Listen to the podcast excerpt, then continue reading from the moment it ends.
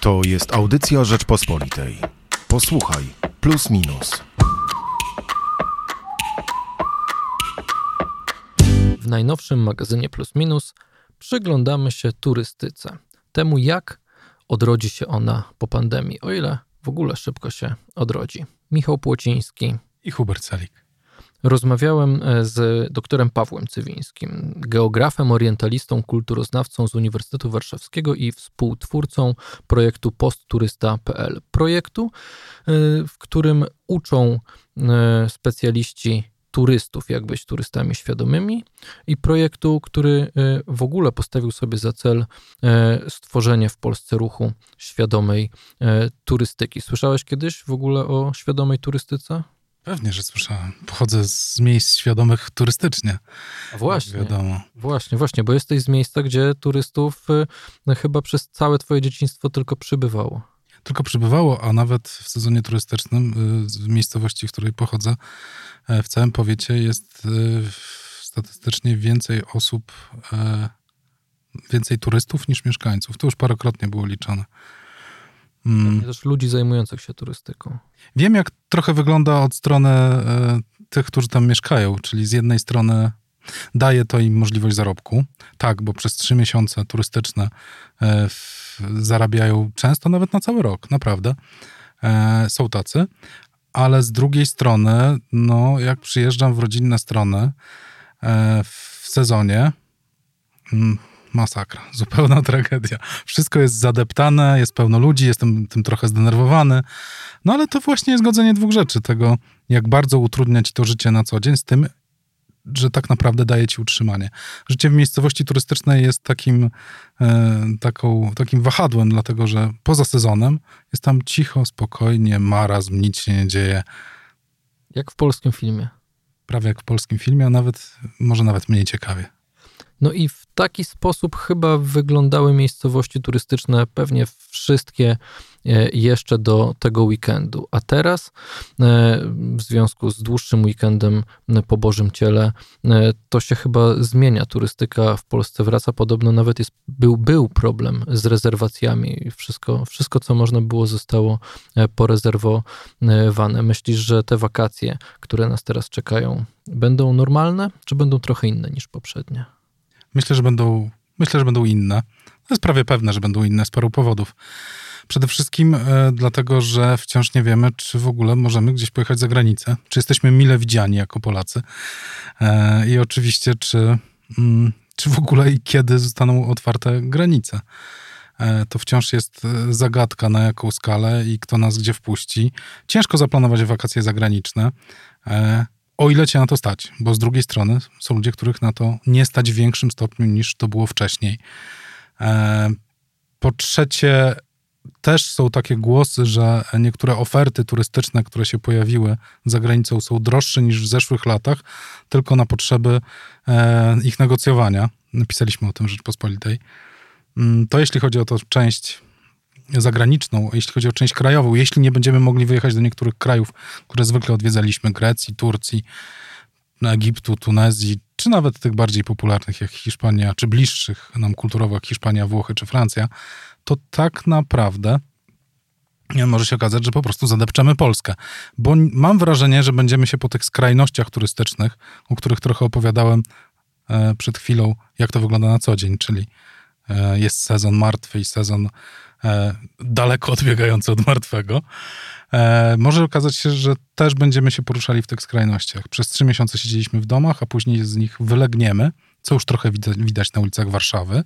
Wylegniemy roz, po całej Polsce e, się rozpierzchniemy i może być jeszcze gorzej niż było wcześniej, co też niesie ze sobą zagrożenia epidemiologiczne.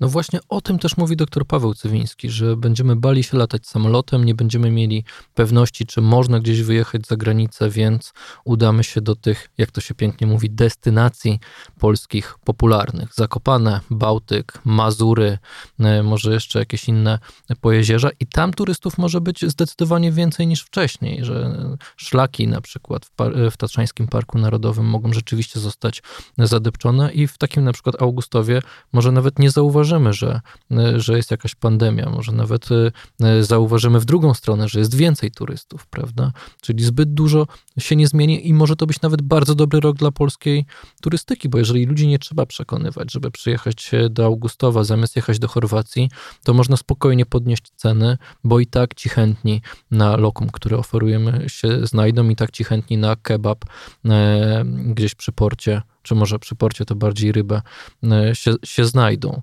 Czyli wcale niedużo z tej, z tej strony może się zmienić. Czy ja mam mieszane uczucia z tym związane? Bardzo mieszane, bo e, u nas ta pandemia wciąż się nie skończyła. E, I te dane, e, co z tego, że na Górnym Śląsku przybywa tak dużo ofiar, tak dużo zachorowań, to jednocześnie e, tych zachorowań jest też więcej w innych miejscach kraju. Jeśli za dwa tygodnie pojawimy się w takich miejscowościach, które tak naprawdę były odcięte od tych centrów pandemicznych, dlatego że mm, no, mniej ludzi, nikt tam nie przyjeżdżał, to możemy to po prostu roznieść. Roznieść po całym kraju. Więc z jednej strony, to klasyczny dylemat tej sytuacji koronawirusowej. Z jednej strony mamy pieniądze i przychody ludzi, którzy muszą z czegoś żyć, a z drugiej strony mamy e, zdrowie e, innych. E, trochę się boję tych wakacji, tak w sensie ogólnokrajowym.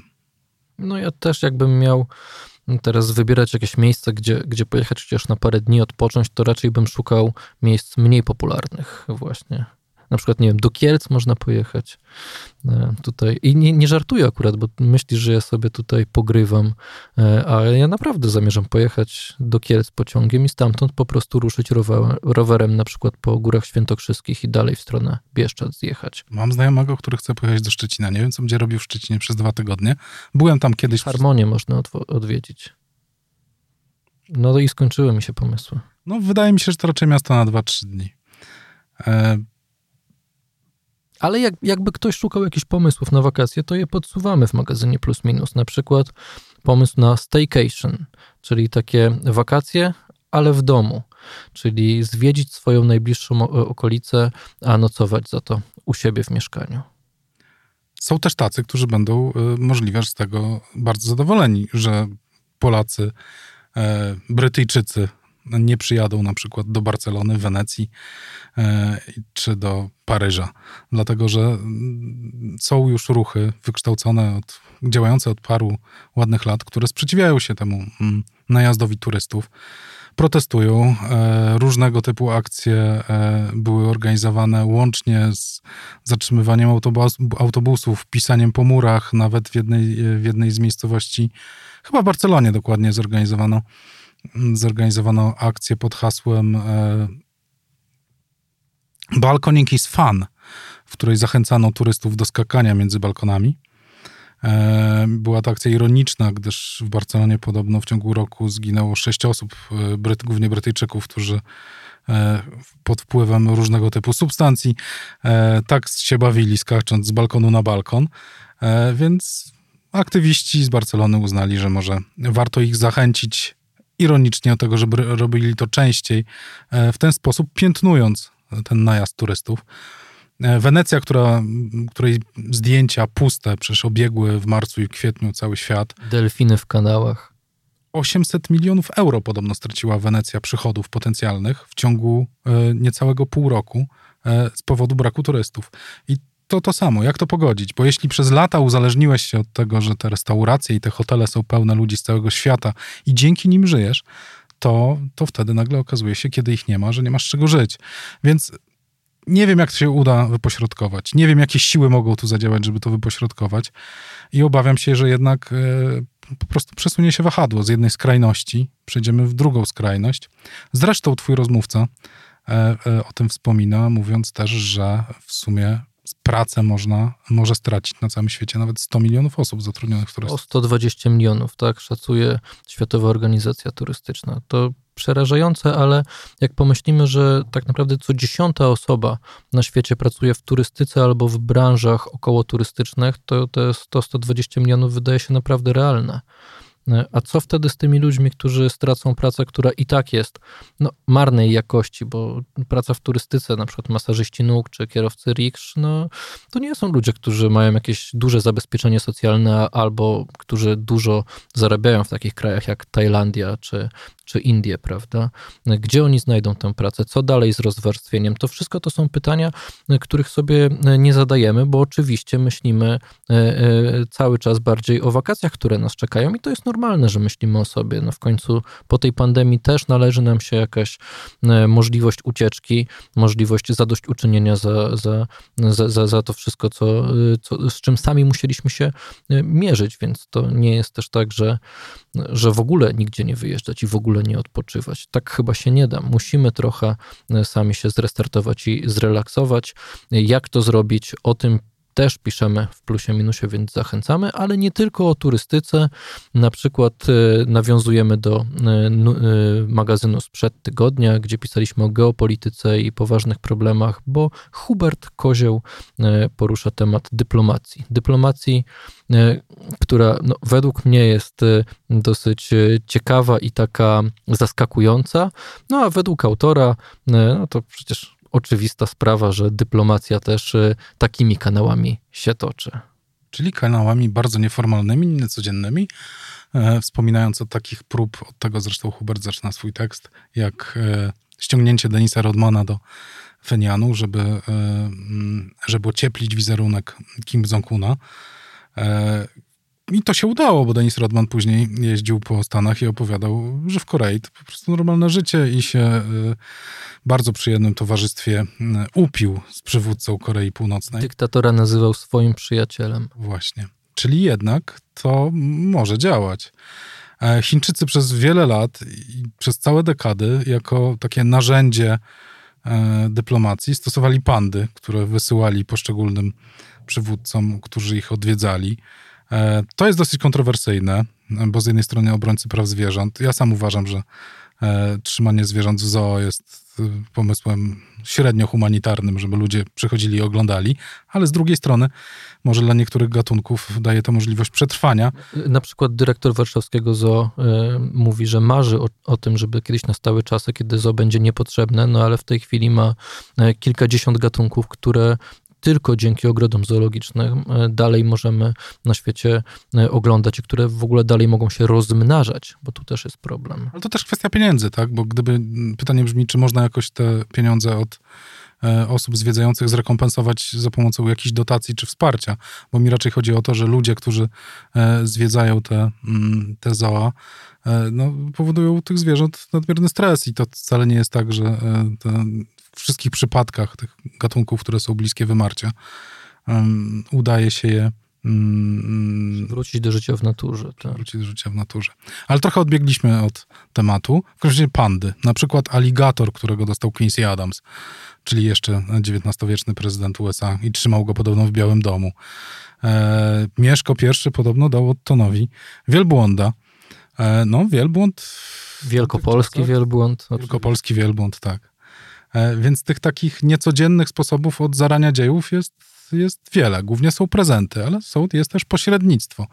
Jak takie nieformalne Rodmana, albo i formalne, kiedy na przykład e, Amerykanie starali się wynegocjować odbicie zakładników z ambasady w Teheranie na początku lat 80., wysyłając tam dwóch swoich specjalnych, tajnych wysłanników i proponując w zamian broń. A skoro Boże Ciało, to wykorzystujemy ten moment do tego, by opisać prawdziwą historię księdza, e, którego pewnie większość Państwa poznała w filmie Jana Komasy, właśnie pod tytułem Boże Ciało. Nie tyle księdza, czyli co chłopaka, który za księdza się podawał, Patryka, tak podobno brzmi jego prawdziwe imię, który raczej z tego powodu miał więcej kłopotów. E, opisujemy, e, jak do tego doszło, jak ta historia naprawdę wyglądała. Są drobne różnice. Poczynając od tego, że nasz rozmówca twierdzi, że tak naprawdę to sam, e, sam się ujawnił, a nie został zdemaskowany. E, ale mamy też tam zaskakujące informacje o tym, że trudno było od tego mm, procederu uciec i udało mu się później, już dużo później, odprawić mszę na Jasnej Górze. No, co, co ciekawe, y, prawdziwy ksiądz e, czyli bo, bohater filmu, ale, ale ten rzeczywistości twierdzi, że filmu nie oglądał. Zaskakujące. Jestem naprawdę ciekaw, jak długo wytrwa, nie oglądając tego filmu. I czy mówi prawdę, oczywiście. I zbudował sobie rodzinę, ma trójkę dzieci e, i żonę, ale stracił też z powodu tego pracę. E, może, e, może to powinno zniechęcać, bo ta pasja jest aż za daleko posunięta, ale naprawdę wszystkim Państwu polecamy ten tekst. Jest bardzo ciekawy. No i pokazuje też trochę, jak e, życie różni się od scenariusza, a bardziej jak scenariusz różni się od życia. Zapraszamy do kiosków i na rp.pl do najnowszego magazynu Plus Minus. Michał Płociński i Hubert Celik. To była audycja Rzeczpospolitej. Posłuchaj, plus minus.